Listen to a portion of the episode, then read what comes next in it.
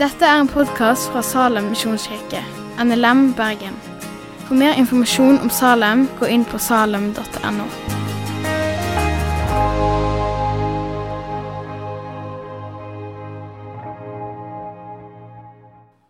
Jesus var sliten etter vandringen, og han satte seg ned ved kilden. Det var om, omkring den sjette time. Da kommer en samaritansk kvinne for å hente vann. Jesus sier til henne, 'La meg få drikke.'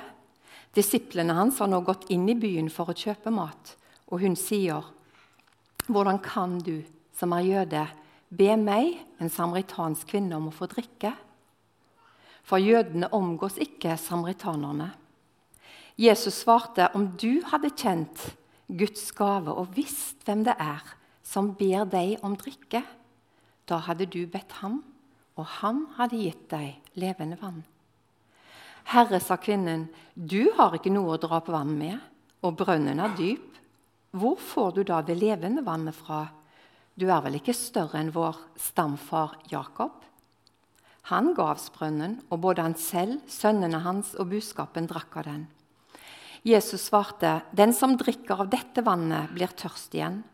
'Men den som drikker av det vannet jeg vil gi, skal aldri mer tørste.' 'For det vannet jeg vil gi, blir i ham en kilde med vann som veller fram og gir evig liv.' Kvinnen sier til ham, 'Herre, gi meg dette vannet, så jeg ikke blir tørst igjen og slipper å gå hit og hente vann.' Da sa Jesus til henne, 'Gå og hent mannen din, og kom så hit.' 'Jeg har ingen mann', svarte kvinnen. 'Du har rett når du sier at du ikke har noen mann', sa Jesus, 'for du har hatt fem menn, og han du har nå, er ikke din mann.' 'Det du sier, er sant.' 'Herre, jeg ser at du er en profet', sa kvinnen. 'Våre fedre tilba Gud på dette fjellet, men dere sier at Jerusalem er stedet der han skal tilbe.' Jesus sier til henne, 'Tro meg, kvinne.' Den time kommer da det verken er på dette fjellet eller i Jerusalem dere skal tilbe Far. Dere tilber det dere ikke kjenner, men vi tilber det vi kjenner. For frelsen kommer fra jødene. Men den time kommer, ja, den er nå, da de sanne tilbedere skal tilbe Far i ånd og sannhet. For slike tilbedere vil Far ha. Gud er ånd, og den som tilber ham, må tilbe i ånd og sannhet. Jeg vet at Messias kommer, sier kvinnen. Messias er det samme som Kristus. Og når han kommer, skal han fortelle oss alt. Jesus sier til henne, 'Det er jeg, jeg som snakker med deg.' I det samme kom disiplene hans, og de undret seg over at han snakket med en kvinne. Men ingen av dem spurte hva han ville, eller hvorfor han snakket med henne. Kvinnen lot nå vannkrukken sin stå og gikk inn i byen og sa til folk.: Kom og se. En mann som har fortalt meg alt det jeg har gjort. Han skulle vel ikke være Messias. Da dro de ut av byen og kom til han. Skal vi be sammen? Kjære Jesus, takk for livet. Og takk for dagen i dag. Denne fine høstdagen hvor sola skinner og fargene er så vakre. Takk for alt godt som du gir oss. Må du komme til oss og være med oss og åpenbare ditt ord. Ber om det i ditt navn. Amen. Denne fortellingen den utspiller seg i ei tid og i et land der det var mange etniske fordommer og store kulturelle barrierer. Og Vi får òg et blikk på hvor sårbar situasjonen for kvinnene noen gang kunne være. Israel var okkupert, og, en, og, de var en del av det store Romerriket. Samtidig var det konflikter, interne konflikter både i og rundt Israel. Og Jødene de avskydde og forakta samaritanerne. De gikk store omveier for å unngå å møte dem. For samaritanerne var ikke godkjent som Guds folk i jødenes øyne. De påsto at de tilba Israels gud, men de fortsatte med sin avgudsdyrkelse. Og I tillegg så var det blitt et blanda folkeslag. Men forakten mellom disse to folkegruppene den var gjensidig. Samaritanerne mente at jødene hadde ødelagt Toraen. Og så hadde de to ulike plasser som de tilba. Jødene mente at det var i Jerusalem, men samaritanerne mente at det var på fjellet Garisim, som ligger i nærheten av denne landsbyen Sykar. Og inn i denne kokende gryta av konflikt, som de andre jødene gikk utenom, trer Jesus fram. Og I begynnelsen av denne fortellingen så gjør Jesus tre tydelige ting. Han snakker med ei kvinne. Og det var en, en sånn kulturell uhørt ting å gjøre. Du gikk ikke bort til ei kvinne som ikke var en del av din familie, og snakket med henne. Og Sånt er det jo flere steder i verden i dag også. Og For det andre så var jo en samaritaner og ble sett på med forakt. Og det tredje så ber han henne om å få litt vann. Og det å motta vann fra henne, det ville gjort han umiddelbart urein. I denne bibelteksten får vi være med når Jesus eh, krysser flere grenser, ikke bare fysiske, men grenser inn til en ny måte å tenke på. Han viser oss hvordan vi kan se på verden og andre mennesker med hans øyne. Han viser oss at Guds frelse den er for alle. Og at han er en som kom for å forene og ikke for å skape splid. Han kom ikke for å fordømme. Han kom med frelse og fred. Og Denne dagen så er Jesus og disiplene hans på vei til Galilea. De har vært i Judea, står det, og så før det så var det Jerusalem. Den kjappeste veien var jo å gå gjennom Samaria, men det var det ingen som gjorde. Det var faktisk så stor avsky at de valgte å gå denne omveien rundt for å slippe å gå gjennom.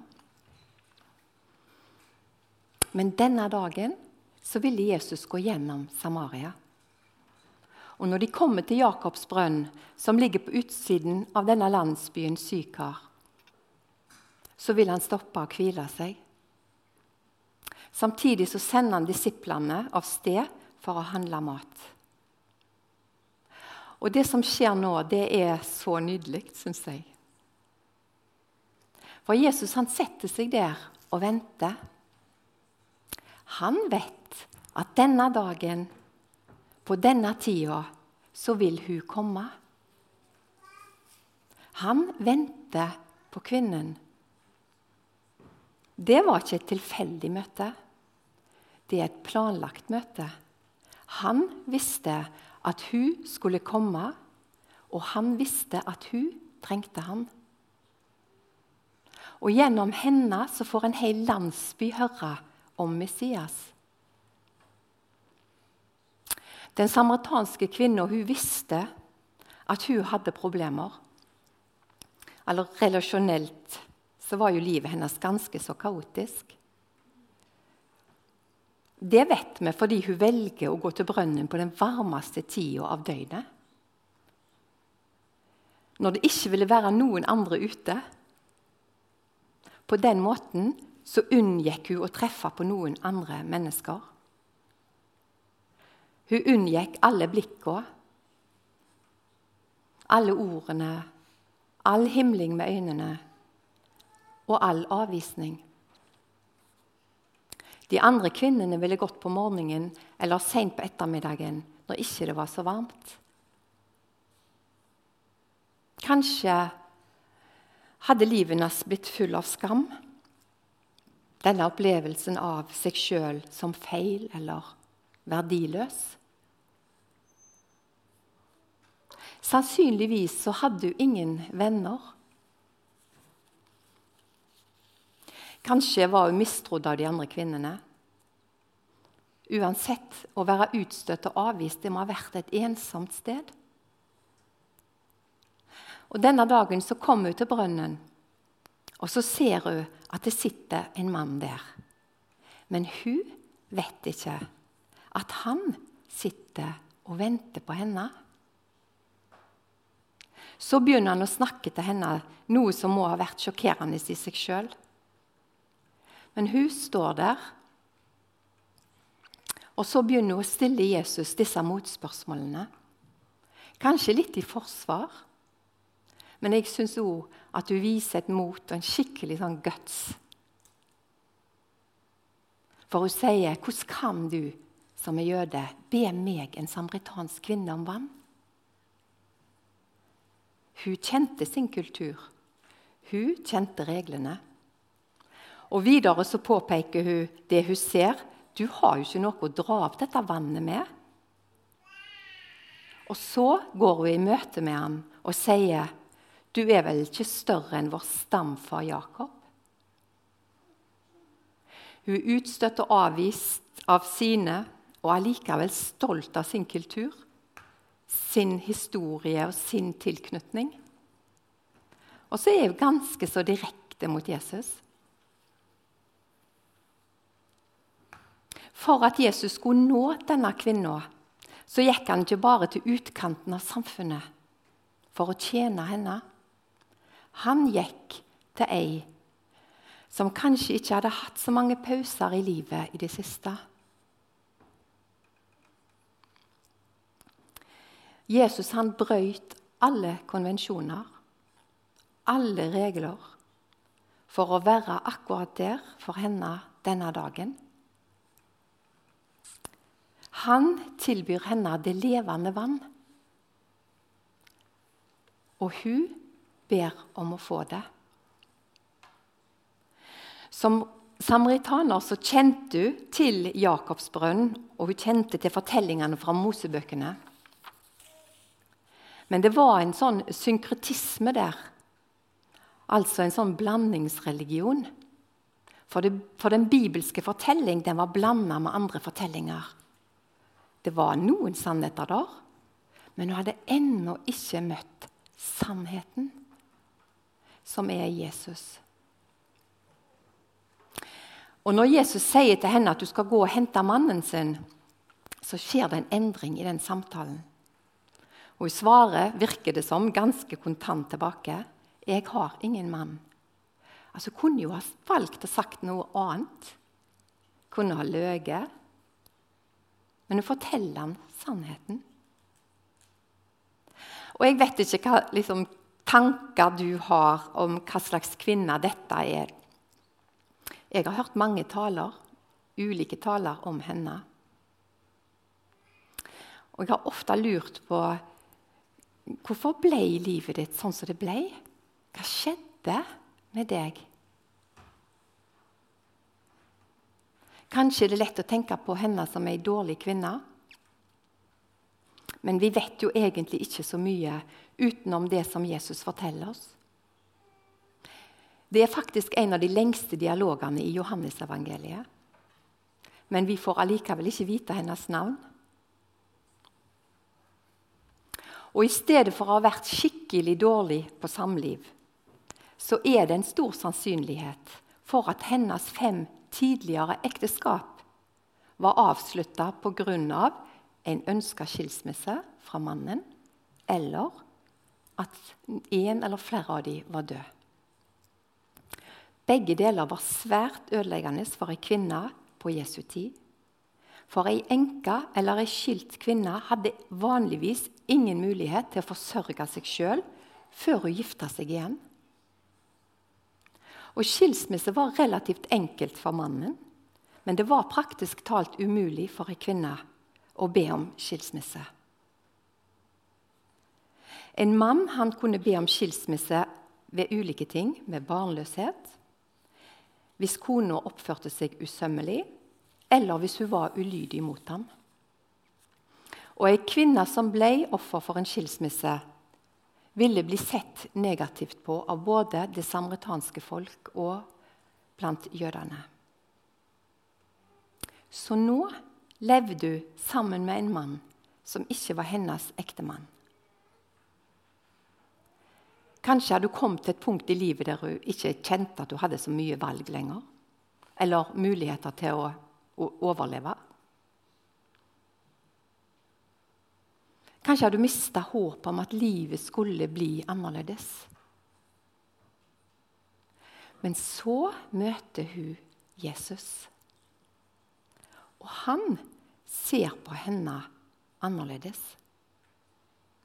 For Jesus han kjenner hele hennes historie. Han kjenner alle hennes menn. Han vet om alle sår, all fordømmelse, all utestengelse, alle nedturene, alle feile valg. Og han lar henne få se at han vet det. Og at han likevel så sitter han der og venter på henne for å tilby henne frelse fordi han elsker henne. Jesus avslørte livet hans. Han avslørte på en kjærlig måte. Ikke fordømmende, men Jesus er tydelig i sin avsløring. Han rører ved den dypeste smerta i den kvinnen sitt liv, hennes fem menn, for å gjøre henne virkelig fri. Jeg vet, og jeg elsker deg uansett. Det er den betingelsesløse kjærlighet. Det blikk Jesus møtte henne med, det var livsforvandlende for denne kvinna. Sannheten om livet sitt og møtet med den kjærlige Jesus det forandra hennes liv.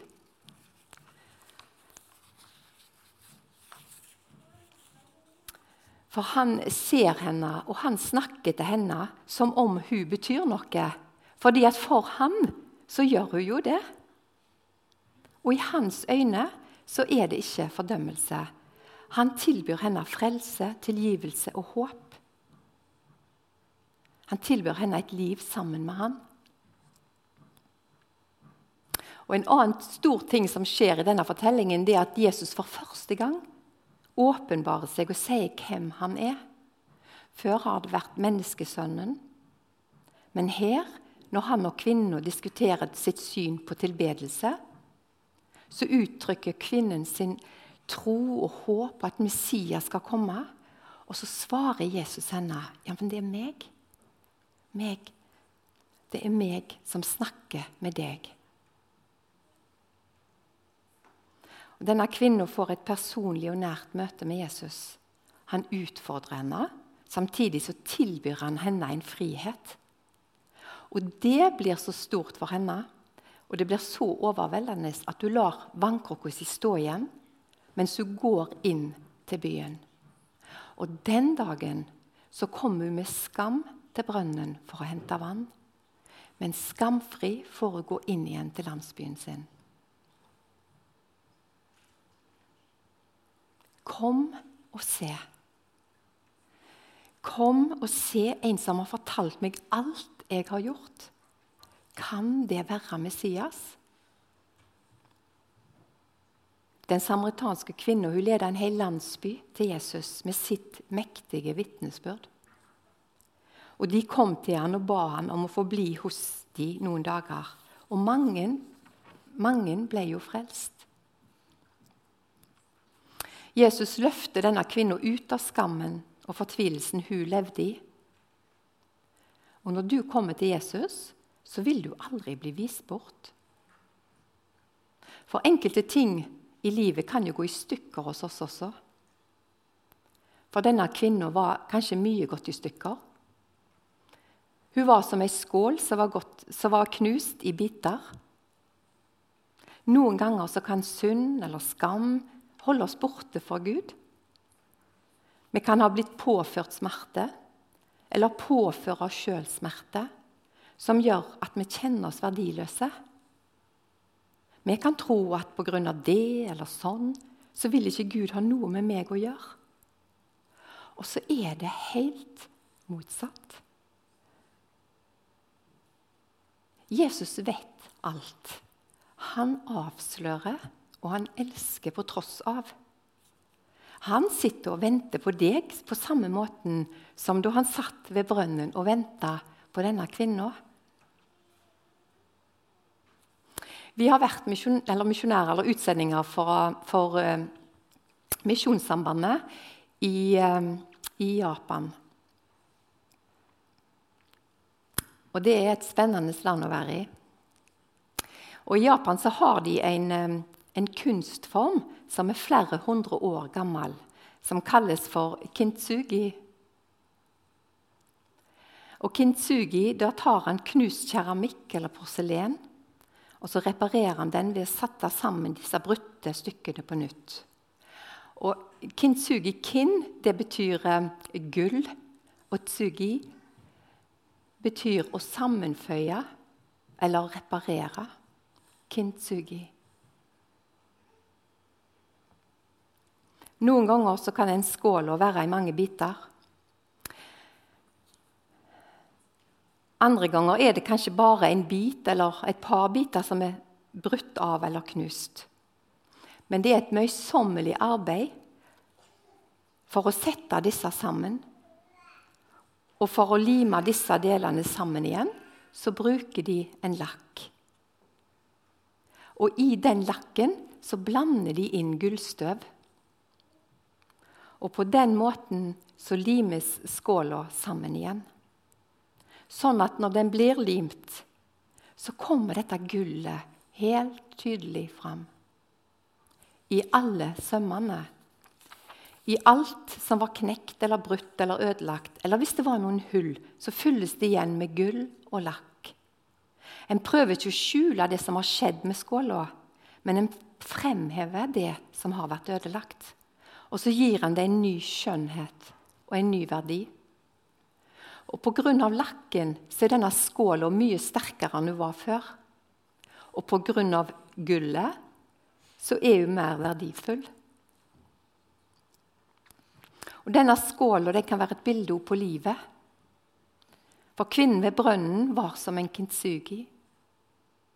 Hun ble satt sammen av Jesus og ble et vitnesbyrd for sitt folk. Ei sånn skål formidler noe helt vesentlig om at liv det kan gjennomrettes. For i kintsugi så skapes skjønnheten i det som var ødelagt. Gud kan og vil skape en helhet i våre liv. Gullakken som brukes i kintsugi, kan sammenlignes med den helende kraft som er hos Gud. Samtidig er det viktig å understreke at smerten livet noen ganger påfører oss, aldri skal undervurderes. Og kanskje så trenger vi hjelp da, til å sortere og bearbeide for å håndtere det som er vanskelig. Og noe av smerten vil kanskje følge oss hele livet. Og det er ingen av oss som er uten. Den helende kraften som vi også ser i denne fortellingen for den samaritanske eh, er et vitnesbyrd om et gjenoppretta liv for den samaritanske kvinna. Som kan være en sånn håpsfortelling til våre liv. Om at det som er ødelagt, kan òg få et sånt strøk av kraften som ligger i pottemakerens hånd.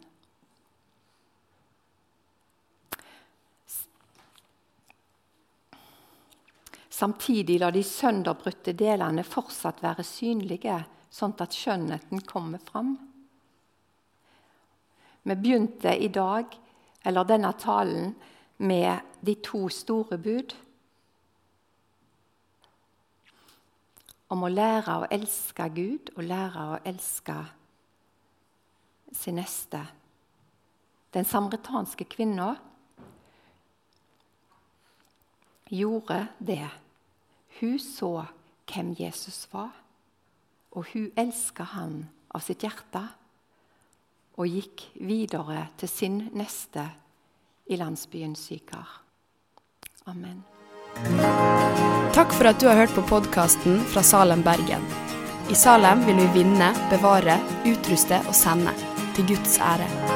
Vi ønsker å se mennesker finne fellesskap, møte Jesus og bli disippelgjort her i Bergen og i resten av verden. Vil du vite mer om oss, gå inn på salem.no.